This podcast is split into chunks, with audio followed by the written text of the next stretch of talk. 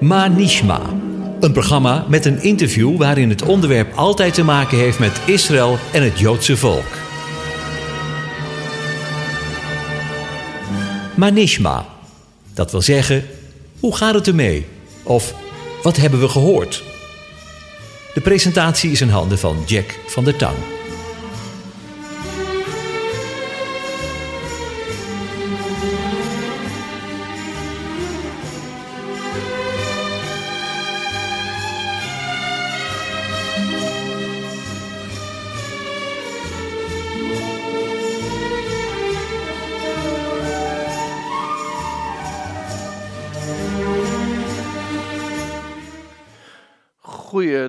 Beste luisteraars. Vandaag hebben we weer een nieuwe aflevering van Manishma. En u hoort het met een andere stem. Ehm, mijn naam is Kees van der Vlist. En ik heb deze keer Jack van der Tang uitgenodigd om een gesprek met hem te hebben. Eh, het is zo dat hij al zes jaar achter eh, de microfoon zit en zijn nieuwsgierigheid mag bevredigen. Maar eh, wij vonden het is nodig dat we hem eens aan de tang zullen gaan nemen. Ja. En ehm, ja, Jack, heel hartelijk welkom bij, dit, eh, bij dit programma voor een, eh, Ja, op een plek die, eh, die jou helemaal vreemd is eigenlijk. ik zit hier nooit, nee. Nee, we hebben afgesproken dat ik alle vragen mag stellen aan je. en ik dat denk, jij... je gaat zeggen, we hebben afgesproken dat ik jij mag zeggen, maar Nou, dat, Nou. dat lijkt me te gek worden. Dat gaan we niet doen. Maar het feit dat, je, dat jij hier zit en ik denk dat je een, echt een, een verhaal hebt, ook voor de luisteraars. En ehm, dat verhaal dat willen wij graag horen, ik in ieder geval. En ehm, mochten er mensen zijn die eh, eventueel vragen hebben na deze uitzending aan jou, dan kunnen ze die naar mij opsturen. Mijn naam is eh, Kees van der Vlist en mijn eh, e-mailadres is kees. at, eh, Radio Israël. Ja, dank je, dank je Jack. Je kan het niet laten. En ehm, de, de, dan kunnen ze de vragen stellen die ze graag over jou, door jou beantwoord zouden willen hebben. Jack, eh, we gaan van start. Ehm, eh, je bent geboren. ja, ik ben niet eh, ergens gevonden. Je nee, kijk, dat is al, dat is al een hele openbaring. Maar ehm, misschien kun je daar iets over vertellen, in wat voor omstandigheden. Maar ik ben ook zelf heel erg benieuwd, in welk jaar? Ja, dat is pijnlijk, maar ik, ik praat er makkelijk over. Nou, hoor, ik ben in 1962, ik ben 58 jaar op dit moment. eh, ben ik geboren. Ik ben in Den Haag geboren in de Hulststraat nummer 2. Dat huis staat er nog steeds. En ben heel snel verhuisd naar Loosduinen. Dus ik zeg altijd, ik ben een peenbuiker. Peenbuiker. Een peenbuiker, dat is, is dat dan? eh, Loosduinen. Dat is een plaatsje wat buiten Den Haag ligt, maar inmiddels eh, hoort het bij Den Haag en heb je zelfs een groot Loosduinen. En als wij eh, boodschappen gaan doen, praat ik altijd, ik ga even naar het dorp. Dus eh, terwijl het gewoon bij Den Haag is, een dorp in Den Haag, dat klinkt wat raar, maar dat, zo praat je wel. Ja. Ja, maar hoe, hoe, kom, hoe, hoe komt de naam Peenbuiker? Heeft Waar met peen te maken. De peen, die daar eh, werd gedaan. Het was natuurlijk, eh, het lag tegen het Westland aan. Het was een Ah. plaatsje tussen het Westland in en tussen Den Haag in. En daar werd eh, heel veel peen verbouwd. Ja, ja, wortels. Ja. Ja, Worteltjes, Ja, ja. peentjes, worteltjes. Ja. ja. en in wat voor gezin ben je terecht, terecht gekomen? Ja, houd toch op. nee. Nee ik, eh, ik weet niks van de bevalling te vertellen, moet ik je Nee. zeggen. Maar alles is wel goed gegaan. maar eh, ja, het mag ook af en toe wat luchtig zijn. Ik heb een hele serieuze ochtend achter de rug. Ja. Ehm, ik kom uit een christelijk gereformeerd eh, eh, nest. En dat is dan de Bewaar het Pand. Mijn, mijn moeder heeft ooit met haar vader zaten in de wat zwaardere hoek. En dat was dan de Pauwerianen. Dominee Pauw, de enige goede dominee in Nederland. En mijn vader komt uit de christelijke kerk, maar eh, heel veel familie van mijn vaders kant. eh, mijn vader lijkt sprekend op dominee, eh, hoe heet hij nou ook weer? Eh, Vogelaar, geloof ik. Zeg ik het goed? Ehm, uit de gereformeerde gemeente, daar zit ook nog familie van mij. Dus ik kom uit een, eh, een vrij traditioneel reformatorische eh, achterban. Ja, Gezin. ja. Ja, ja. Nou, even voor de, voor de mensen die, eh, die de uitdrukking eh Pauwerianen niet kunnen. Heeft dat iets met een pauw te maken of zo? Nee, dat is dominee Pauwen. Ja? En de, er zijn nog een aantal uh, Pauwerianen, zo noem je dat in Nederland. Ik heb Mhm. een oom, die woont in Apeldoorn. En ja, je kunt, er is geen goede dominee meer in Nederland. Dus wat doe je? Je gaat dan preekjes lezen en herhalen van dominee Pauwen. Oké. Het is een vrij grote groep. Op het moment dat je dus eh, gaat naar een kerk, is het eh, eigenlijk over met je. Sluiten. Hoe bedoel Want, je eh, dat? nou ja, dat- er is nog maar één goede dominee, voor de rest niks meer. Dat zijn vrij apart, ja. Oké. Dus, Ja, ja, ja, ja. En ehm, nou ja, ik neem aan dat jullie traditioneel twee keer naar de kerk gingen met Ja. elkaar, Ja. met het gezin. Oké, heb, je, heb je broers, heb je zussen? Ik heb een, eh, een zus en ik heb een, eh, een broertje. Maar Mhm. goed, ik noem hem broer. Ja. Jolanda En en, Gijs. En eh, ja, Ja, hoe oud is Gijs dan? Gijs is vijf jaar jonger als ik het goed heb. Ja, ja. Die is van 53. 67 geloof ik of zo. Ja, ja. Ja, dus dan, die noem je nog broertje. nou Ja. nee, ik, ik, hij is mijn broertje, maar ik noem hem gewoon broer. Dus, ja, ja. snap ik. Oké. Ehm, nou, dat gezin dat ging ja, traditioneel twee keer naar de kerk toe. En eh, nou, je zit nu eigenlijk in een heel andere hoek. Eh, hoe is dat zo gekomen? Hoe, ben je, Heb je, Je- tijd? Heb je tijd om het hele verhaal te horen? Of zal ik het... eh, Jawel, we hebben wel het wat, hele eh, verhaal, maar... nou, eh, weet ja. je, ik ben eh, op een gegeven moment... eh, eh, werd ik best wel een beetje een rebelse jongen. Oh, Ehm, ik ben, eh, kwam met wat vrienden in aanraking. hoe Ehm, oud was je toen ongeveer? Nou, ik eh, denk dat vanaf mijn geboorte ik tot eh heden rebels ben. Nee hoor. nee, ik ben toen ik een beetje aan het puberen ging, geloof ik. Toen, en eh, Je ging wel naar school toe. ja, ja, ja. ja. Oké, Ik heb de mijn school- Ik basisschool- heb mijn school ook afgemaakt. Ik mijn basisschool afgemaakt. Ik ben wel van de HEO afgegaan. Kijk, Daar had ik goede cijfers. Ik had voor Engels zo slecht, maar daar kwam ik wel met verkeerde vrienden in aanraking. Dat vind ik nog altijd jammer. ja. Eh, want daardoor eh, ben ik eigenlijk van school moest ik gaan. Ik kon een andere richting gaan, verder op de HEO. Maar ik wilde pertinency, eh, pertinent accountancy doen. Oké, Maar voor mijn Engels, ja het leuk is, mijn kinderen moeten wel heel erg lachen, omdat ik natuurlijk heel veel in het Engels doe. ja. eh, kwam ik niet hoger dan een 3. En ik had genoeg eh, compensatie, maar ik moest een 4 hebben. Maar dan moest je dictées doen in het Engels. Eén fout, een punt. Ja, dan moet je bij Jack van de Tang zijn. Dan heb je al gauw een 1. dus, nee, Ja. maar ik, heb, eh, ik kreeg op een gegeven moment ehm, in mijn eh, jeugd, ik denk dat ik een jaar of 18 was, eh, verkering. Mhm. Verkering met Inge. Inge was 15, bijna 16. ja. En nu zijn wij... Is dat je huidige vrouw? Ja, we zijn nu 35 Oké. jaar getrouwd. Ze was Rooms-Katholiek. Ook nog. Eh, gaf heel wat eh, te doen. En in de weg die wij ingingen, we hebben vijf jaar verkering gehad. Ehm, begonnen er ook wel heel veel geloofsvragen bij mij te spelen. Maar we hadden wel zoiets. En mijn vader heeft eh, haar drie keer het huis uitgezet. Want Rooms-Katholiek, ja, ja. Twee geloven een kussen slaapt de duivel tussen, is echt Ja, dat- gezegd. Dat kon natuurlijk helemaal niet. Nee, dat is tegenwoordig anders. Ehm, maar in die tijd ehm, was, was dat echt zo. Toen eh, zijn wij toch wel gaan zoeken van, we hadden wel zoiets, nou, we moeten wel naar één kerk gaan. We hadden allebei wel, we willen wel naar een kerk. En toen zijn wij eh, wat zoekende gegaan. Nou, voor mij was het heel duidelijk. Ik vond de Rooms-Katholieke Kerk echt geen, geen sprake van. Mhm. Ehm, terwijl ik geestelijk absoluut geen inzicht had hoor, maar dat was voor mij echt eh, klaar. Toen zijn we naar de Griffemiddenkerk gegaan. Ehm, nou, daar was een vrouwelijke dominee met kort stekelig haar en die ging mij vertellen over waarom we tegen kruisraketten moesten zijn. Ja. Dus dat was de laatste keer dat ik die kerk bezocht had. Ik dacht, wie ben jij? En volgens mij gaat een kerk toch ergens anders over. Ja.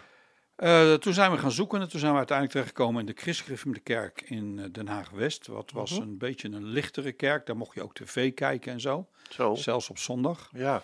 Vrouwen mochten daar een broek aan. Oh, dat, er eh, geen hoedje op. Dat voel je wel, Ehm, denk ik. En in nou, jawel, vooral voor Inge, die natuurlijk dat helemaal niet gewend Ja. was. Maar daar hadden we het heel leuk. We kregen een hele leuke jeugdvereniging. Leuke Mhm. vrienden kregen we daar. Omdat ik best wel actief was en eh, mijn, eh, mijn woordje af en toe wel deed, eh, werd ik gevraagd in de kerkraad. We zijn daar ook getrouwd. Mhm. Toen werd ik kerkraadslid. Ik ben scriba een paar jaar geweest. Ja. En, ehm, en toen ben ik op een gegeven moment... ik zat in de autohandel. Mhm. Dat is ook een heel verhaal. Hoe ben je maar, daar? eh, eh, hoe ben je daar? mijn vader die had de zaak verkocht, had een groot bedrijf. Die ging Mhm. eh, als het ware rentenieren. ja. Maar die ging van zijn hobby, werd onverwacht, zonder dat hij zelf opgezocht had, zijn beroep. Ik kwam van school af. Ehm zijn mijn vader, Rentenieren eh, werd zijn beroep. Nou ja, hij kon rentenieren op zijn Ja. jonge leeftijd al. Ja. En ik weet goed dat mijn, eh, eh, mijn eh, vader, die zei, kom maar bij mij in de zaak. Mhm. En toen kwam ik en hij was in de auto's gekomen, eigenlijk doordat hij twee auto's had. Mijn moeder en hij. En hij dacht, ja, ik werk niet meer, dus ik heb er maar één nodig. Ja.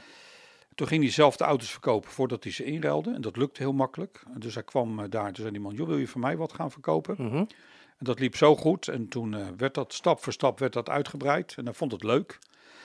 Toen kwam ik en ik weet nog heel goed dat hij een gele Opel Ascona, ik weet niet of je dat nog kent, een gele Opel Ascona Dat was 2 een soort, eh, een soort van het, was een, racewagentje. het was een soort auto. ja. En, eh, maar alles was fout aan die auto. De kleur was fout, het type was fout, tweedeurs was fout. Ehm, het kon eigenlijk niet slecht. En mijn vader hem gekocht en hij kon hem aan de straatstenen niet kwijt. Dus hij zei, Ga jij gaat proberen? maar eens proberen. Dus ik ben eerst die auto gaan poetsen, dat hij wat lekker glom. Toen kreeg ik een envelop mee met een lege factuur. Handgeschreven kon dat toen nog allemaal. En, Ja. eh, de, en papieren. En toen zei mijn vader tegen mij, ik wil dat je nu gaat en ik wil je nooit meer eerder terugzien dan dat je die auto verkocht hebt. Twee uur later liep ik het kantoor binnen waarop mijn vader vreselijk boos op mij werd. Hij zei, wat doe jij hier? Ik heb je toch gezegd, je komt hier niet eerder terug voordat je de auto verkocht hebt. Laat maar aan. hè. En, eh, en ik gooide nonchalant eh, de factuur met, ik weet niet meer of het 7000 gulden of 7000 euro, of dat was 7000 gulden. Z- Zullen wel guldens geweest zijn. Ja. En eh, eh, op, eh, op het bureau, en mijn vader was totaal verbouwereerd. ja. Ehm, ik ook hoor, dat ik het eerste beste autobedrijf binnenkwam.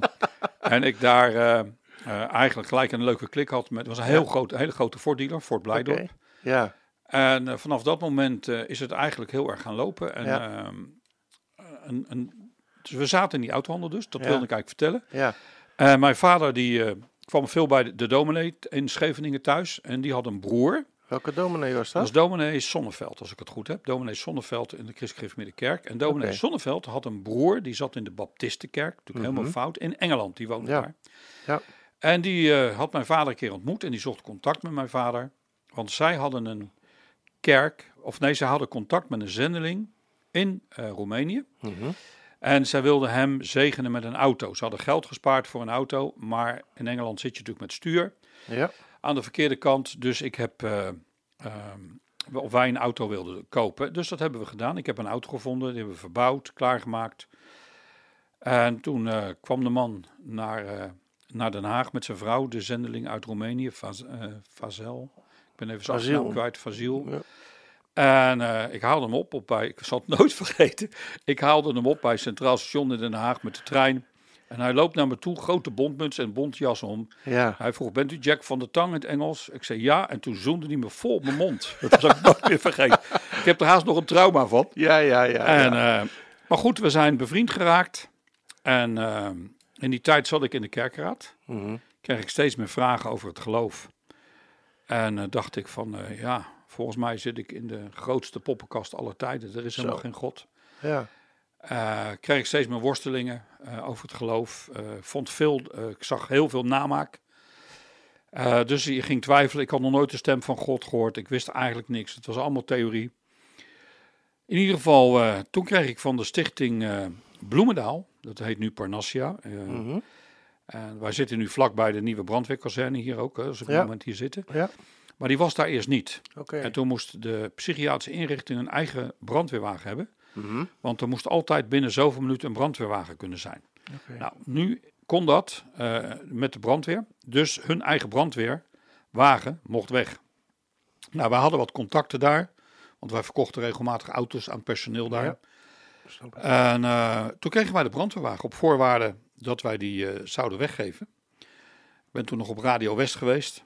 En ehm, die kregen wij. En toen hebben we besloten om hem te geven aan eh, via die zendeling in eh, Roemenië. Om hem naar Roemenië te laten brengen. Dus er rijdt nu een, eh, een Haagse brandweerwagen in. Ja, ja ik in weet niet of die, Roemenië. of die nu nog rijdt, want het was echt een hele oude, hele Ja. gave. Ja. Zo mooi was die. Maar met Ja. houten, houten stoelen, kan je Met voorstellen? houten stoelen. Houten stoelen Dus nog. heel- dan ben je wel heel oud, Jack. En heel oud, hè? Ja. ja.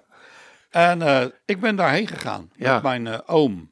Naar en Roemenië. eh, naar Roemenië en met eh, Ja. een, eh, iemand van de vrijwillige brandweer. Mhm. En daar hebben we een heel avontuur meegemaakt. Maar wat daar eigenlijk het meest belangrijke van was, dat Mhm. ik daar op een gegeven moment... We hadden nog geen mobieltjes, dus ik zat, ik kon niet naar huis bellen. Ja. Dus ik schreef alles op en ik zat op een avond zat ik op het balkon, toen werd ik geroepen. En toen Mhm. was er een, iemand binnengekomen. Ik denk dat hij eh, 1,80 meter was of zoiets. Zwart pak, lang haar, lang wit haar, lange witte baard. Eh, ketting om, eh, ik weet niet meer precies, ik heb er nog een foto van. Mhm. En hij werd voorgesteld als Vasile Krekou. Dit was in 1994. 1994. En hij was 94, daardoor weet ik het nog. En eh, als de grootste evangelist uit Roemenië, Moldavië, in dat gebied, want daar zaten wij aan de over de Karpaten bij, Ja. bij de grens. Tegen de, tegen de Donau aan? Nee, nee, nee, nee. Het was echt wel bij Moldavië aan die Ja. kant. Oké. En ik ben even de stad kwijt. Suceava. Stad. Suceava. En die eh, werd voorgesteld. En die man gaat dus zijn verhaal vertellen. Ik moest het vertalen. Het werd in het Engels vertaald. Ik moest het naar het Nederlands vertalen. En tijdens dat bezoek ehm, gebeurde er iets met me. Ik kan niet verklaren, maar er gebeurde iets met me. En ik weet nog goed. ehm, ik ervoer denk ik echt de kracht van God voor het eerst van mijn leven Wow. de aanwezigheid van God. En eh, we hebben nog s'avonds zitten praten. En toen eh, ben ik eh, gaan slapen. En de volgende morgen werd ik wakker in mijn bed. Ik lag in een Mhm. groot tweepersoonsbed. Eh, Ik was, ik was gezegend, want mijn oom en de vrijwillige brandweer lagen in een klein tweepersoonsbed met z'n tweeën. Dus ik voelde me wat, daar zat ik ze steeds over te dollen. Ja. En ehm, ik voelde wat nats op mijn wang. En ik werd wakker daarvan. En toen zat deze oudere man op zijn knieën voor mijn bed, gaf mij een zoen, zei het in het Roemeens en ging weg. Ik kan het niet bewijzen, maar ik ben ervan overtuigd dat hij daar een tijd voor mij heeft gebeden. In ieder geval, eh, het lange verhaal nog korter te maken, eh, want het is nog veel meer gebeurd. Maar toen ik thuis kwam en Inge de deur opendeed, ze keek me aan. Het eerste wat ze zei, wat is er met jou gebeurd? Je hele gezicht is anders. Ja, en toen is mijn leven zo hard en drastisch gaan veranderen. ja, wat betekende dat voor, voor bijvoorbeeld je relatie met je ouders? Nou, die konden dat toen nog niet vatten, omdat ik het ook niet kon vatten. Omdat ik Nee. daar niet over sprak, omdat ik zelf aan het worstelen was. Wat was er gebeurd? Ja. Een van de dingen was toen ik in 1985 eh, met Inge naar een begrafenis ging van een opa van mij. Maar niet mijn echte opa, maar ik noemde hem, dominee Gelijnse. Hij was eh dominee en zendeling geweest in Toratjeland in de, in de Christelijke Kerk. En hij kwam bij mij thuis. Mhm.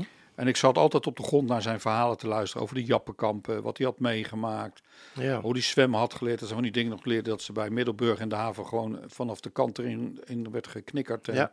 Ja. Leer maar zwemmen en als het Ja. niet goed ging, dan sprongen ze hem erachteraan om eruit te halen. Ja. Maar ehm, bij ons in de kerk mocht je eh, bijvoorbeeld niet eh, tv hebben. Nee. Ehm, en ik zat met hem op zaterdagavond, als hij in onze kerk sprak, zat ik zaterdagavond met hem samen voetbal te kijken, want dat vond hij een leuke sport. Dus dat was natuurlijk niet helemaal correct. En ik zat hem te luisteren en ik had echt in mijn hart altijd, als ik later ooit, niet Mhm. groot ben, maar als ik later ooit christen zou worden, dan wil ik worden zoals hij is. En, eh, maar goed, eh, hij was Maar je, wel... wa- je was toch christen? Ja, naam Christen, dat zegt niks. In ieder geval, ik ben samen met Inge, eh, toen wij verloofden, dat is ook zo apart, en wij echt aan het worstelen waren, hebben wij hem in het verpleeghuis opgezocht in Hilversum. Nou, wie doet dat nou met zijn verloving? Dat deden wij. Ja. En toen hij in 1985 is overleden, voor ons huwelijk nog volgens mij.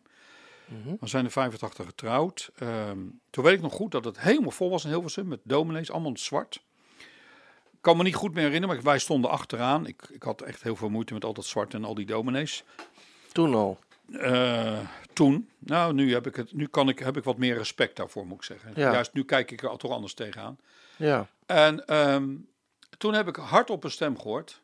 Ga heen en verkondig het evangelie. Van wie? Ja, van God. Ik heb echt hard op een stem gehoord. Niemand hoorde die, maar ik heb hem echt luid gehoord. Ik Was wist dat- daar geen raad mee. Ik heb hem in mijn zak gestopt en mijn rits dicht gedaan. Zo zeg ik dat altijd. Ik weet niet hoe ik het anders moet zeggen. Ja. Nou, toen ik dus terugkwam in 1994 uit Roemenië. Ja. En op het punt stond eigenlijk om mijn geloof vaarwel te zeggen. Want zo was ik erheen gegaan. Ja. Toen ben ik. eh, eh, toen kwam die stem hardop terug. Echt, ik hoorde hem als het ware weer gewoon. En toen ben ik Zoals bij- ik bijvoorbeeld met, met jou ja, te en praten. toen ben ik, eh, ja, en toen ben ik met, naar de Bijbelschool gegaan. Toen heb ik een Bijbelschool gevolgd. Ik kreeg ineens uit het niets liefde voor Israël. Echt Maar- uit het niets liefde voor Israël. Wij, ik werd thuis nooit wat verteld over Israël. Mijn vader had een vriend, was een Joodse zakenman, waar hij altijd met zeer veel respect over sprak. En zei: De Joden hebben iets wat wij niet hebben. Ja. Eh, Maar hoe ging dat? Je gaat maar even te snel nu. Maar hoe, hoe, hoe werd dat thuis opgepikt? Had, we waren getrouwd. We waren Inge, die stond getrouwd. erbij. Nee, maar we waren getrouwd. Ja. Dus dat ont, ik Maar werd hoe, wel Hoe radicaal. ging dat met Inge? Die werd hopeloos voor mij. Dat wilde ik even horen. Die werd echt hopeloos. Ja. Want ik las een boek. Ja. En ik zei, dit moet je ook lezen. Want je krijgt een honger en de Bijbel lezen en Ja. de boeken lezen. Ja. En op een gegeven moment had Inge geloof ik 15 boeken naast de bed. En eh, die, die kon maar niet volgen meer. Nee. En eh, die snapte het niet. Nee. Eh, die liep wat achteraan in dat hele proces. Ja. Maar Maar goed, die moest zich waarschijnlijk afvragen, wat is er met Jack gebeurd? Ja, maar ze zag wel dat ik... stemmen. Die, oh, ja... Nee, dat, dat is nooit Dat echt een ding geweest. Nee, Nee? want het is niet zo dat ik continu stemmen hoorde of zo. Dit, Nee, nee, was natuurlijk wat anders dan. Dat snap ik. Kijk, mensen die stemmen horen, hè, dat zijn vaak toch wel wat andere mensen. Ja, maar mensen die, die eh, eh, zo radicaal, want ik ken je inmiddels. Bij jou staat er, bestaat de kleur grijs, die bestaat eigenlijk Nee, niet. nee. Eh, maar die zo radicaal ineens van een naamchristen een oprechte, levende christen worden, da- daar verandert nogal Nou, wat. het gaf wel spanningen in, mijn, in het bedrijf. Ja. Eh, mijn broer was er ook bij gekomen in die Mhm. tijd, dus die werkte ook. En ik, ja, Ja. eh, overal waar ik kwam sprak ik over mijn geloof. ja. In plaats van over auto's? Eh, nou, ik heb nooit, ik heb autohandel altijd geweldig leuk gevonden, maar ik heb nooit interesse in auto's gehad. Geen interesses in Nooit. auto's? Ik, als ik ergens was, sprak ik altijd met mensen over hoe het ging met ze, hoe het met ze was. Ik was altijd geïnteresseerd in mensen. Auto's deed ik altijd een paar minuten de tijd. Heb je interesse, geen interesse? Ik kocht auto's, verkocht auto's. Dat was altijd bijzaak. De Ja. relatie met personen, dat vond ik altijd het meest gave. Ja. En dat, is, er- dat zit er nog steeds in, denk ik, hè? En eh, ja, maar dat vind ik in, absoluut. Ja. En ik heb eh, een leuk voorbeeld was dat eh, eh, bij de Suzuki dealer, de verkoopleider. eh, ik ging eh, op een gegeven moment werd ik dus geconfronteerd met de volwassen doop. Eh, ik wilde me laten dopen. En toen belde een, eh, een verkoopleider van de Suzuki dealer op. En eh, die zei: Jack, ik wil eens met je praten. Ik heb een heel apart verhaal. Hij zei: Ik heb over je gedroomd. En ik zei: Nou, ik hoop wel dat het een nette droom was, zei ik zo tegen hem toen. Weet je wel? En toen moest hij heel erg ja, lachen. ja, ja, ja. Nee, zegt hij, het is wel heel uitzonderlijk. Oh, En, en toen begon hij te beschrijven over de droom.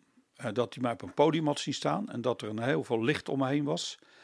En eh, dat ik een getuigenis gaf. En, eh, en alles wat met gebeurt met een doop, zag hij voor me gebeuren. En eh, ja, zeg, wat moet ik daar nou mee? Dus ik heb toen uitgebreid verteld over de keuze die ik had gemaakt om het te Ja. laten dopen. Ja. En later is hij en zijn vrouw zijn bij mij geweest. Zijn vrouw kon geen kinderen krijgen. Dus we hebben toen voor ze gebeden. En zij zaten heel erg in het hindoeïsme. Het waren Nederlanders. mhm. Ik heb eigenlijk daarna nooit meer echt contact gehad, omdat ik vlak daarna eigenlijk uit de autohandel ben gegaan. ja. Um, maar um, wat wou ik nou eigenlijk vertellen? Want dan ga ik weer een zijweg in. Dus. Uh, oh ja, ik was, ik was wel heel radicaal in, in, in, de, uh, in mijn contact. En ja. dat gaf wel heel veel problemen. Mijn vader zei: Ja, uh, het is wel leuk en aardig, maar we hebben een bedrijf. Ik zeg: Ja, nou, ik zeg volgens mij verdien ik genoeg geld. Ja. Uh, maar dat gaf wel problemen en die stem kwam terug en ik begon te worstelen ja. over van uh, wat wil God. Ik was inmiddels ook voorzitter geworden van CBMC.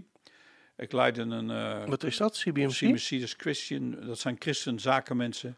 Het heeft nu wat andere betekenis als toen. Uh, we kwamen elke -huh. dinsdagavond bij elkaar ja. en baden en spraken met elkaar over het zaken doen.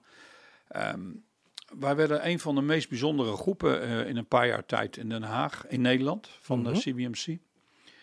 Uh, hele bijzonder. Ik heb heel veel geleerd, heb ik vrienden gekregen. Uh, want je zit in een heel leerproces. De Bijbelschool erbij. Ja, er is Waar in die tijd zoveel gevolgd? gebeurd. Die heb ik bij de ETA gedaan. In... Dat was toen in Vlaardingen, dat is later naar Zwijndrecht veranderd. Maar dat is altijd een, uh, voor mij wel een uh, gevoelig puntje. Want dit was vier jaar toen ik begon. En als je een bedrijf hebt en gezin met jonge kinderen. Ja, dat wil ik zeggen. Uh, en toen ik twee jaar had gedaan en dacht op de helft te zijn, toen werd de Bijbelschool zes jaar. Och. En toen moest ik gewoon vier jaar nog.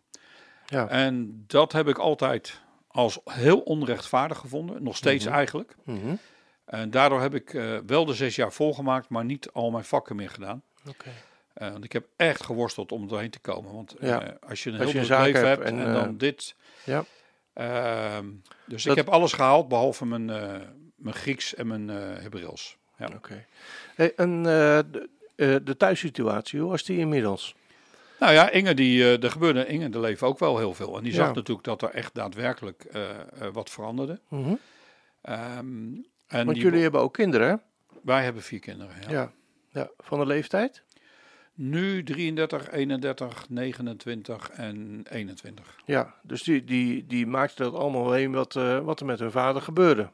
Ja, ze waren natuurlijk. Het is in 1994 geweest, hè? In Ja. die tijd. Dus dat is wel even een tijdje geleden. We zijn Ja. 35 jaar getrouwd inmiddels. Ja. Dus dat is 25 jaar geleden. Ja, die hebben wel meegemaakt vanuit de kerk. Ja, precies. Vanuit de kerk naar de Pinkstergemeente. Mhm. En vanuit de Pinkstergemeente even wat eh, gezweefd.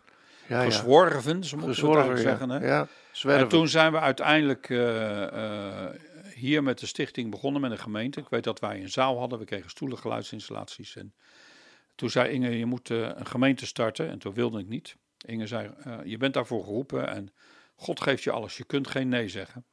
Mhm. En toen zei ik, oké, dan beginnen we. Maar ik wil het niet alleen. En dan mag niemand het weten. Daar heb ik echt gezegd, mag niemand het weten. Mhm. Dan moet God mensen gaan sturen. Want ik wil echt zeker weten of dat zijn wil is. Maar dat, dat besloten jullie als gezin of zo? Zei Inge en ik samen. Want eh, de kinderen die werden een beetje Ja. moe van ons. Eerst vanuit de zondaggemeente, toen naar de Pinkstergemeente. En de Pinkstergemeente was weer niet goed. Toen werd het ineens weer Sabbat. Dus ze dachten, paps en mams hebben een hype. Die zijn het eh, Die, die zijn die even zijn de een beetje kwijt. weg kwijt. Ja, En ik denk dat Ja, dat ja, wel iets is wat in veel gezinnen gebeurt momenteel. ja En absoluut. ik snap dat ook wel. Waarom snap je dat? Nou, en en, eh, ik snap waarom wel. zou het komen dat mensen aan het zwerven raken? Omdat er heel veel gebeurt in allerlei kerken. En als je tot geloof komt of je krijgt ineens een andere visie op iets en iemand anders krijgt dat niet, is het soms heel lastig om uit te leggen. En, en mensen zeggen dan van ja, dus wij zijn niet goed genoeg. Of wij doen het dus helemaal fout. En je wil ook mensen niet veroordelen. Mhm. Dat mogen we ook niet. Ehm, dus ik, ja, nee, ik snap dat heel goed. Ik snap echt dat mensen eh, en kinderen worstelen met het feit dat hun paps of mams ineens de Sabbat gaan vieren. Want, Dat, Dat is een hele stap. Want een van de dingen is dat, mijn dat mijn moeder bijvoorbeeld zegt. eh, en ik ben ervan overtuigd dat dit de stem is van velen gelovigen uit traditionele kerken. Wie ben jij om dat te zeggen? De dominee weet het toch veel beter? Want dat is het antwoord, hè? De de- dominee. Want de, de dominee, dominee heeft ervoor gestudeerd, gestudeerd dus die weet het. Ja, ja. Ja. Af en toe heb je het gevoel, denk ik, en ik kom ook uit een eh, uit traditionele kerk en ben ook, heb een hele, ook, een hele grote zwerftocht gemaakt, dat je niet met je moeder of met je vader of met een broeder of zuster aan het praten bent, maar met de dominee. Want de dominee zegt dat. Ja, ja, absoluut. Ja, ja, dat is moeilijk. Maar ehm, eh, za- zat je op, eh, op, eh, op het moment dat je met een, met een gemeente wilde beginnen, zat je nog steeds in de autohandel? Nou, het, het, laat ik even zo gaan. Ik denk dat ik nog een paar dingen moet vertellen die toch wel heel belangrijk geweest zijn. Ik, Mhm. eh, ik kreeg liefde voor Israël. Ja. Terwijl eh, ik dat heel apart vond. Ik heb in, ik weet niet meer welk jaar, maar ik ben ooit voor Family 7 voor een getuigenis gevraagd. Klein half uurtje, dus jij vraagt veel meer, eh, Kees. Maar ehm, toen, ik had een boek gemaakt, hè, een verslag voor mezelf van eh, Roemenië. En toen ik dat ging lezen, toen zag ik op het visitekaartje staan, een, van de man die, waardoor ik tot geloof ben gekomen, een grote Davidster. En, eh, en toen ik naderhand navraag ben gaan doen, bleek dus dat hij een Joodse man was. Dus ik ben echt door, eh, Was, door, was- je, door een Jood eh, tot geloof in een Jood gekomen. Het is echt niet te geloven. En dat heb ik nooit geweten. Was dat uh, Vasil? Die Ja, het had? Krekel. Ja, ja, ja. Oké. En, Leeft de man nog? Nou, 94 was dat, dus dan zou Oh hij ja, nu nee. eh, 120 zijn. Niet. Ja. Zeg nooit nooit, maar dat geloof ik niet. hij leeft nog, maar of dat hier op Ja. aarde is. ja, precies. Hij heeft het En, beter. Eh, ehm, maar eh, hij had trouwens een heel bijzonder visioen toen hij mij dat vertelde, maar ga ik nou niet doen. Ehm, even kijken hoor. Eh, dus dat gebeurde daar. Toen gingen wij bijbelstudies volgen en toen luisterde ik een keer naar een preek. En toen werd ik zo aangesproken om mij te laten dopen, de onderdompeling. zat Eh, je toen nog in, in welke kerk zat je toen zat ik in de. ehm, nee, toen waren we volgens mij al naar de Pinkstergemeente gegaan. En dat had ook wel te maken met de doop. Dat wij weggegaan zijn uit de christelijke kerk. Omdat iemand die zich liet dopen door onderdompeling, die in de traditionele kerk was, werd verketterd. Ja. Maar ik had vrienden die dat hadden gedaan. En ik zag mensen die zo God toegewijd waren, zo oprecht, zo bijzonder, dat ik gewoon absoluut niet in mee kon gaan dat zij God verloochenden als het ware. Hè, een opvoeding zouden verloochenen. Dat was voor mij echt, daardoor ben ik ook wakker geworden. Dat was ook iets. En mijn oom, ik weet nog goed, mijn oom, die mee was geweest naar Roemenië, was tot geloof gekomen, ook uit de traditionele kerk. En hij en zijn vrouw, eh, de tweelingzus van mijn moeder, lieten zich dopen. En Inge en ik gingen daarheen. Mhm. En die dominee, die voorganger die, dat, eh, die hun ging dopen, die sprak ik. En die zei, eh, jij bent de volgende. En ik dacht, joh, malle. Maak ik, dacht iets anders. Dat, Ja. gaat echt niet gebeuren. Ik ga me niet Ja. laten dopen. Vlak daarna Ja. Werd ik toch bepaald bij dopen.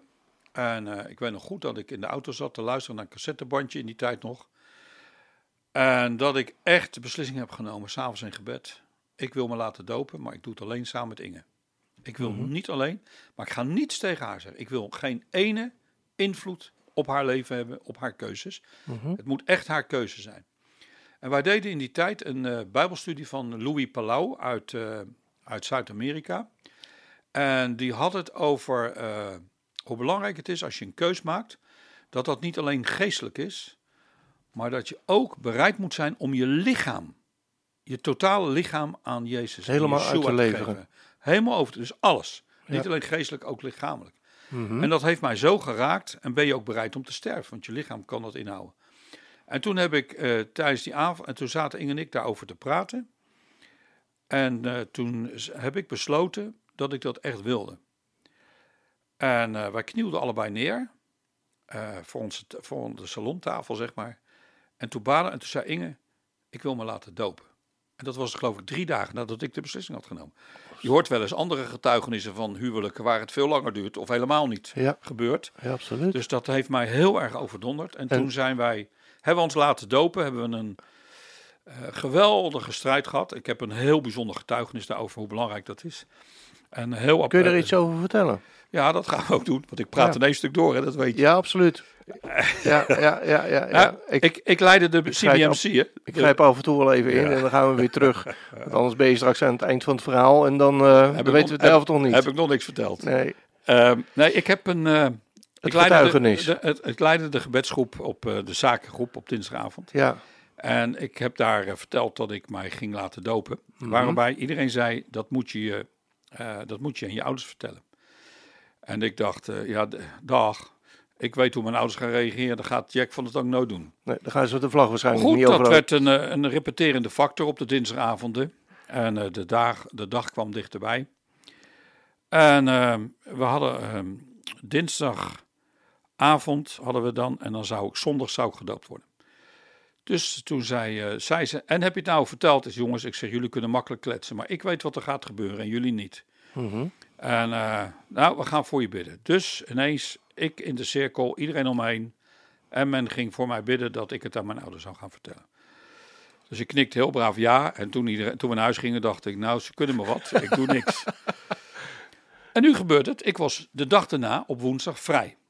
Want ik had een examen voor mijn bijbelschool en ik wilde mij voorbereiden op mijn bijbelschool. Mhm. Dus ik zit woensdag thuis en de relatie met mijn ouders, want we waren overgegaan naar de Pinkstergemeente, was al niet zo goed. Nee. Dus op woensdagmorgen wordt er aangebeld. Inge was toevallig ook thuis. Was ook zeldzaam, want die was vrij en ik weet niet meer waarom. En eh, Inge doet open. Ik zat boven op onze slaapkamer te studeren. Ja. En mijn vader en moeder staan voor de deur. En het eerste wat mijn moeder zegt, waar is Jack? Want ik heb Jack nodig, want hij heeft boeken van mij geleend. Was helemaal niet zo. Ik leen helemaal geen boeken van haar. En ik heb die boeken nodig. Ehm, en eh, ja, Jack zit boven te leren in de slaapkamer. En wat gebeurt er? Mijn beide ouders lopen naar boven. Ja. Waarom gaat mijn vader mee? Dat, dat, dat, dat is totaal geen logica. Mijn ouders gaan allemaal naar boven, stormen mijn slaapkamer in en staan daar. En voordat mijn moeder wat zegt, hoor ik ineens een stem. Oké, jij wilde niet naar ze toe, nou heb ik ze bij jou gebracht. Dat hoorde ik echt. En toen wist ik dat ik het moest vertellen. Nou, ik kan je vertellen dat ik snel aan het zweten was. En toen heb ik dus gelijk verteld wat er dus ging gebeuren. Ja. En toen gebeurde het plaatje exact zoals ik dat had verwacht. Ja. Ze ontploften van boosheid. Ze waren woest en ik, ver, ik vervloekte hun opvoeding en eh, had ik vervloekt en eh, al dat soort dingen. Ja. En ze gingen weg. Maar toen dacht ik, dit kun je toch niet verzinnen zoiets. Dat dit op deze manier gebeurt als antwoord op het gebel. Ja. Ja, ja. Je, hebt, je hebt eigenlijk een aantal keren in je leven, op cruciale momenten, heb je voor jou hoorbaar de stem van, Ja. van, van, eh, van, van God gehoord. Ja. Ja. Ehm, heb je dat ook zo tegen je ouders verteld? Want Dit, dit verhaal wat ik nu Ja? vertel? Ja? Nou, mijn vader leeft niet meer, mijn moeder niet. nee, Nee, maar, mijn moeder, maar in, die, in die tussentijd. Misschien, daarna misschien luistert ze wel. Nee, ik, heb, ik heb nu een hele goede relatie. Ook met mijn vader had ik een goede relatie. op het laatst. Het is al een hele tijd heel slecht geweest. Ja, ja. Eh, Ja. Maar nu, eh, nee, nu heb ik op zich wel een goede relatie met Ja, mijn moeder. Ja, ja, maar goed, dat mensen de- op een gegeven moment de stem van God horen, dat is niet echt binnen Nee, maar traditionele kerken gewoonlijk. Daar praat ik nooit zo openbaar over. Nu ook niet hè, voor de radio. Nee, helemaal, nee, helemaal niet. Nee, nee, nee. Maar misschien is dat wel heel jammer voor christenen die daar nooit iets van meemaken of nooit iets van Ja. eh, vernemen. Maar het is Dat niet zo dat dus ik elke dag het dat hoor. Hè. Niet. Nee, het is voor Nee. mij ook een worsteling hoor. Ja, Ik heb het een paar keer gehad, maar het is echt niet zo dat ik elke dag de stem van God hoor. Absoluut niet. nee. En, en soms hoef je de stem van God niet te horen. Want als je ergens mee worstelt en het antwoord staat in de De Bijbel, waarom, zou God dan dan? spreken? Ja, ja, absoluut. En hij kan ook door mensen heen spreken. Ja, absoluut. Ja, Dus, en hij kan ook in, in eh, bij mij werkt het zo dat ik echt een, een stem in mijn denken hoor. oké. Niet, niet hardop. Dat is Nee. alleen maar gebeurd met de begrafenis. Ja, Dat ik het hardop hoorde. ja. Ja. We maken hier even een break met de muziek die eh, Jack heeft uitgezocht. Ik zou zeggen, geniet ervan. En aan de andere kant van de muziek hopen we u weer te ontmoeten.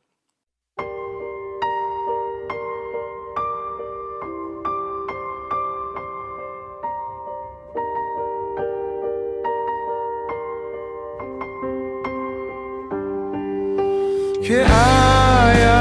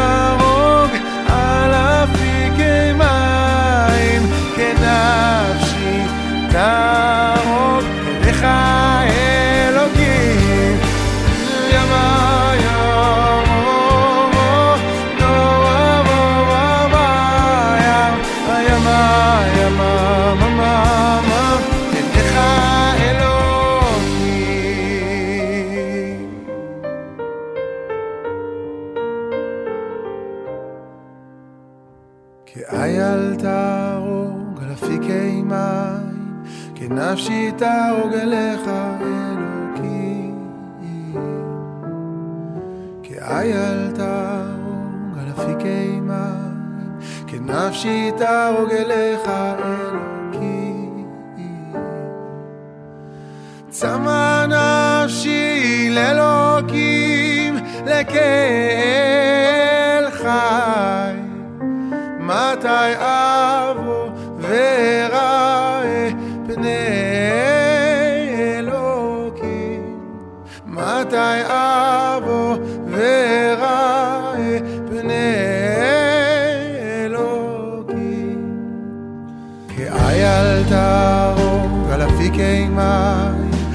כנפשי תהרוג אליך אלוקים.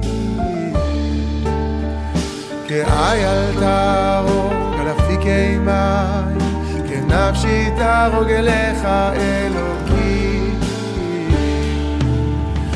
צמא נפשי לאלוקים לקהל חי, ממתי אבוא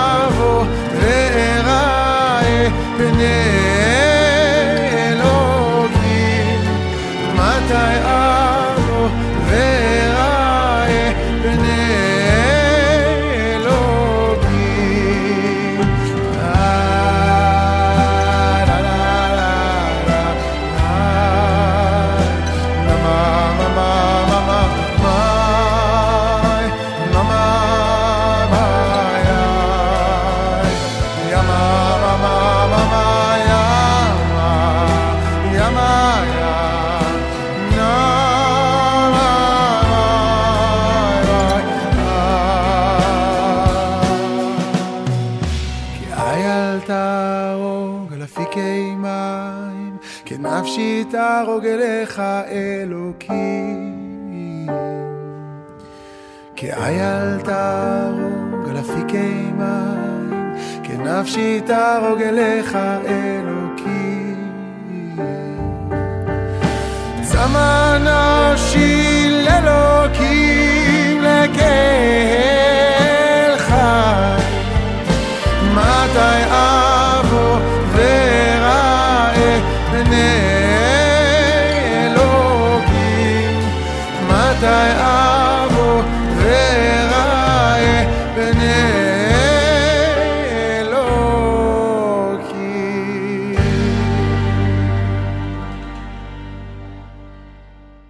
Prachtig.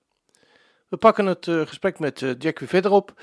En we waren bij de handel gebleven, bij de autohandel, waarin hij redelijk succesvol was. En eh, op een gegeven moment was het afgelopen, denk ik. Hoe is dat gegaan? Nou, de, jij vroeg in het begin eerder al over, gaf dat geen spanningen? En Mhm. dat gaf spanningen, hoe ik radicaal ook was geworden. Stond er anders in, sprak heel veel over het geloof. Eh, bad met klanten. eh, ik deed van alles en nog wat. En eh, ik begon te worstelen over, over mijn roeping. Dat ik toch iets anders moest gaan doen. Maar ik was niet, ik nam geen beslissingen. Eigenlijk had dat ook te maken, ook denk ik, met een heel proces in mijn leven. Maar je bent ook vader van een gezin. Je bent ook verantwoordelijk voor de kinderen. Moest brood op de plank komen. moest brood op de plank komen. En Inge heeft eh, een tijdje eh, echt voor de kinderen gezorgd. Ze was dan vrijwilligster op, het, eh, op de peuter, peuterzaal. Ja. Later is ze wel gaan werken bij het Leger des Hels. En, Was jij dat- zo'n vader die op zondag dan nog wel het, het, het, nou, het ik, vlees ik, ik zou vertellen, er is een periode in mijn leven geweest. toevallig heb ik de afgelopen week nog met iemand over gehad. Dat mijn vader kreeg slokdarmkanker en die werd geopereerd. Mhm. En toen eh, had ik ineens alles op mijn eh, schouders. Ehm, wij kochten voor honderdduizenden euro's per week aan auto's. Zo. En dat was heel normaal. En toen ik het ineens alleen moest doen. En ik naar Schiphol reed, we deden ook veel in huurauto's. Kocht ik voor een vermogen aan auto's. Terwijl niks anders was dan altijd. Maar ineens was ik zo eh, belast met van, oh, oh, als we maar niet fiets gaan. Ja. Want je was alleen Eh, verantwoordelijk op een gegeven Ja, moment. en toen moest ik, eh, ik deed ook de administratie. En toen heb ik een eh, tijd, heb ik 19 uur per dag gewerkt. 19 uur. 19 uur per dag, ja. Ik had een discussie namelijk met mijn zoon erover. Die afgelopen vrijdag 16 uur had gewerkt. En zaterdag zijn werk afzij omdat hij zo moe was. en toen ik zei van hoe ik daarin had gestaan, toen had, gaf dat een heftige discussie. want hij geloofde me niet. Ja. Maar ik, ik ben wel een beetje een explosief vat. En daar schrok ik wel van. Toen ben ik anders gaan, erin gaan staan. Ik heb mensen ingehuurd. eh, er gebeurde een hele ontwikkeling in, in mijzelf. Eh, ik begon te worstelen over de toekomst. Van is dit echt wat God van mij vraagt? Uiteindelijk eh, ben ik door de omstandigheden uit het bedrijf gestapt. Is niet op een hele leuke manier gegaan. Ik heb toen een hele moeilijke tijd gehad waarin ik al mijn geld, alles wat ik gespaard had, alles zat in de zaak. Maar ik kreeg niks. We hadden geen geld voor boodschappen doen om ons hypotheek te betalen. Maar in die tijd is er wel iets heel erg bijzonders gebeurd. Wij baden elke morgen samen. Ons geloofleven werd heel erg verdiept. Onze relatie werd heel erg bijzonder gemaakt. En eh, eh, toen op een gegeven moment eh, in dat zoeken ben ik weer, toen sprak God door, ik, door prediker. Hij zoekt op wat voorbij gegaan is. Dat was voor mij een woord om weer in de autohandel in mijn eentje verder te gaan. Dan krijg je te maken met banken.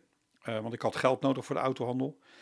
Voorheen smeekte de bank of ze alsjeblieft geld aan ons mochten lenen, want we hadden geen geld nodig. Maar nu had ik het wel nodig en nu werd ik gestraft. Eh, dat Ja. betreft door de bank. Ja, daar heb jij ook nog bij gewerkt. Ik word bijna boos op jou. eh Nou, we gaan geen Dus, namen eh, noemen nu. En we gaan verder gaan. Was een heel snel bank. verder met dit onderwerp. was een andere bank. Maar ik ben in die tijd heb ik een, ben ik alleen bezig geweest. Ik kocht een oprijwagentje.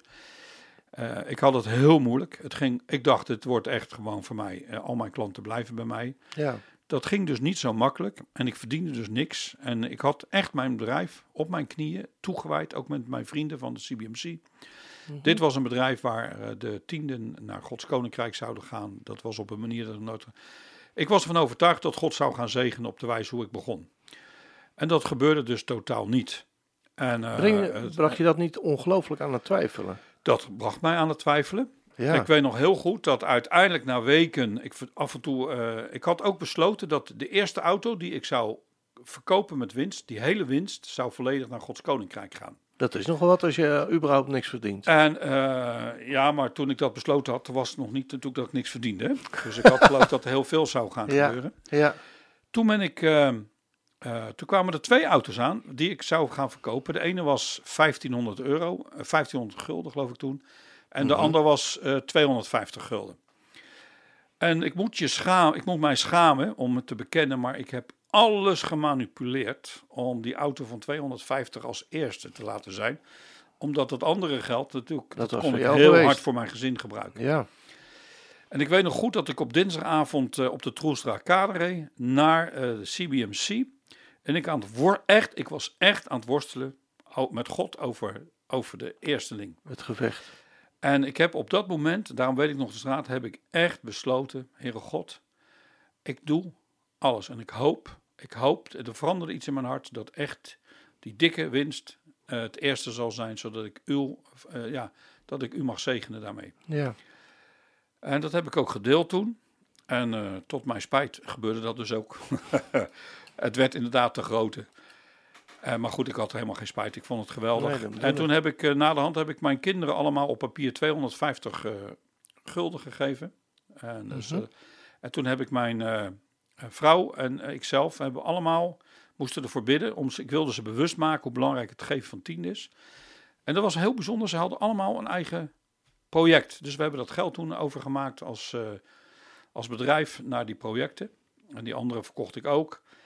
Maar goed, toen dacht ik, bingo, nu gaat het lopen. Ja. Nou, het Ik ben goed dus- gehoorzaam geweest en, nu moet hij me wel eh, gaan zegenen. eh, dat, ja, dat dacht ik echt, zoals jij dat Ja, nu zegt. ja. Eh, heel oprecht. En, eh, en dat gebeurde dus niet.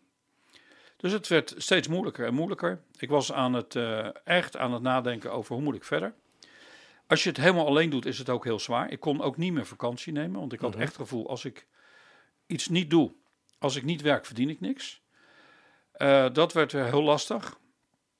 Toen kwam er op een gegeven moment eh, eh, kwam er een, eh, een oudste van de Pinkstergemeente naar mij toe en die zei: Jack, ik wil met je praten. Dus die kwam ons thuis praten. Hij zei: Ik heb mijn zaak verkocht. Had een heel groot bedrijf gehad.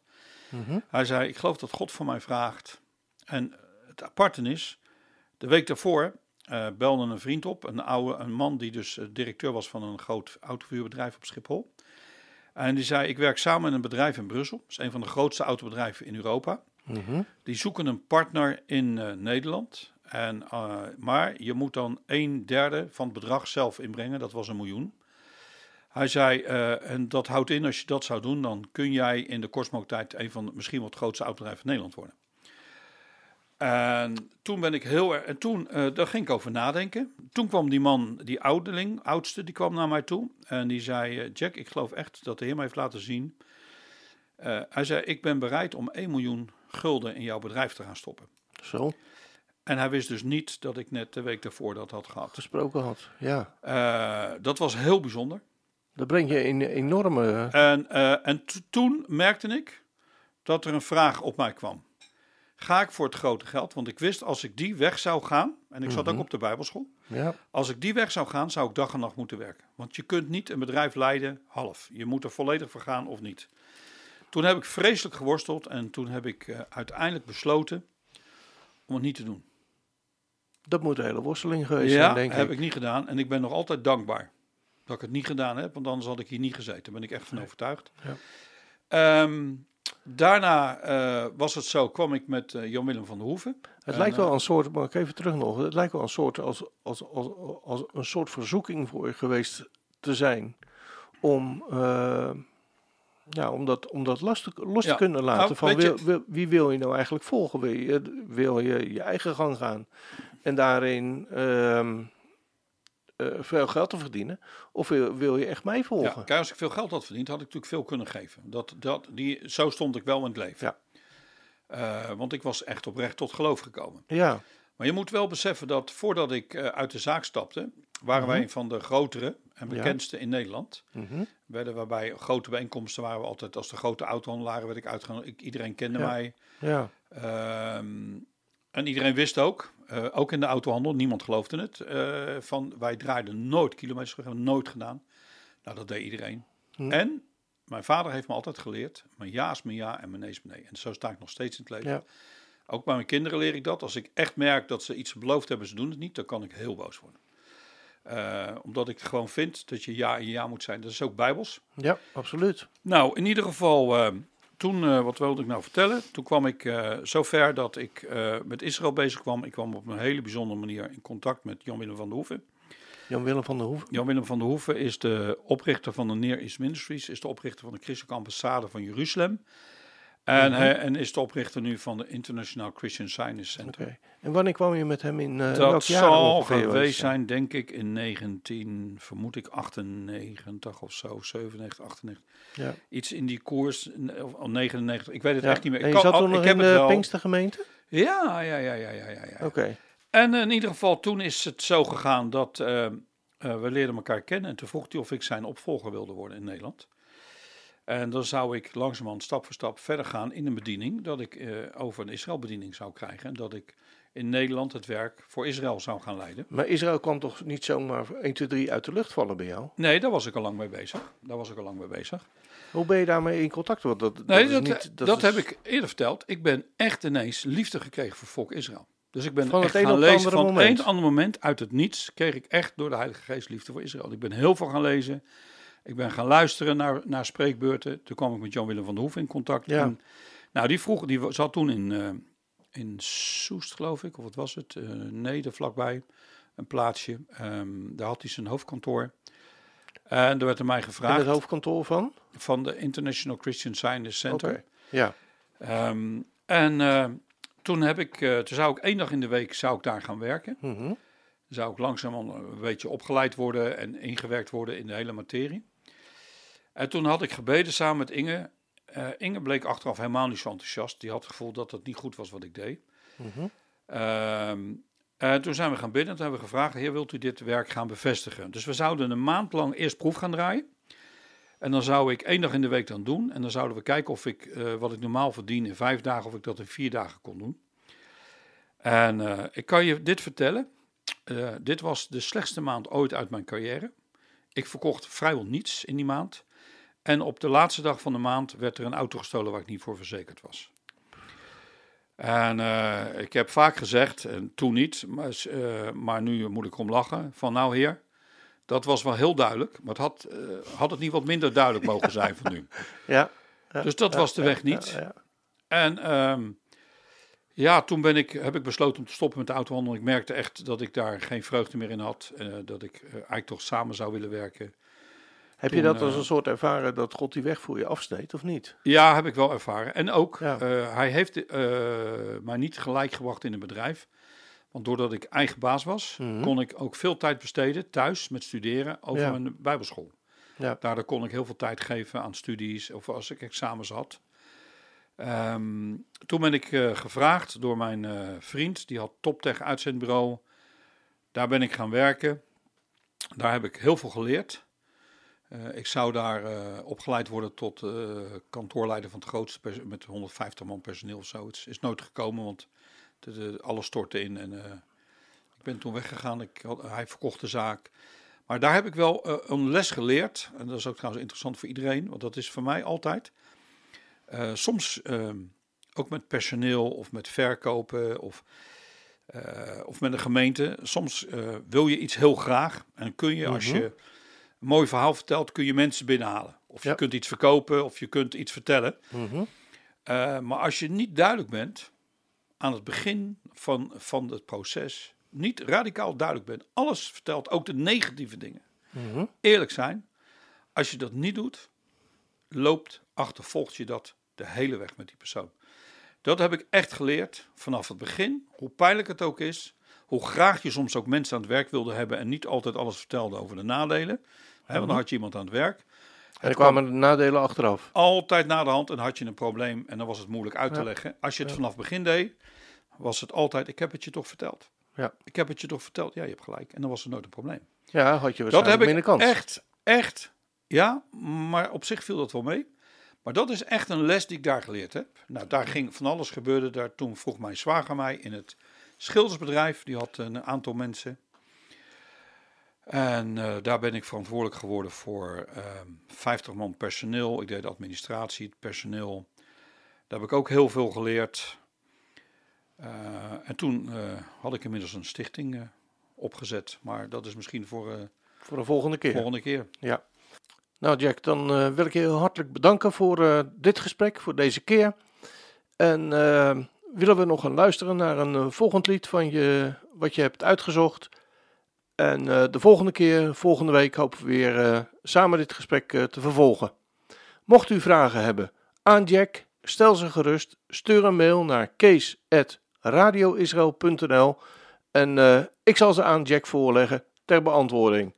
Dit is je kans. We gaan luisteren naar de muziek.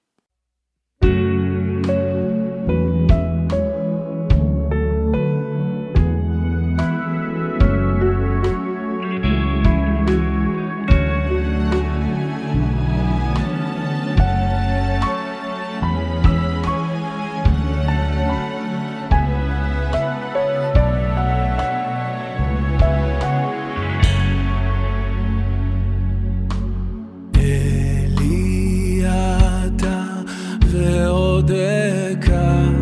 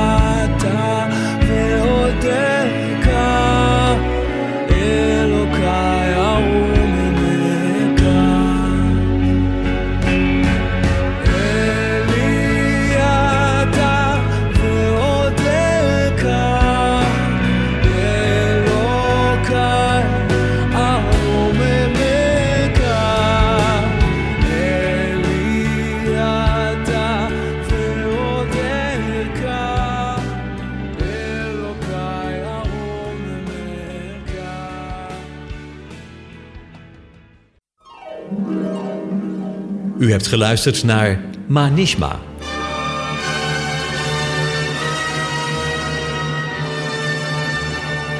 Een programma met een interview waarin het onderwerp altijd te maken heeft met Israël en het Joodse volk. Presentatie Jack van der Tang. Wilt u het programma nog eens naluisteren? Dan kan dat. Ga naar radioisrael.nl en klik onder het kopje radio op Uitzending gemist.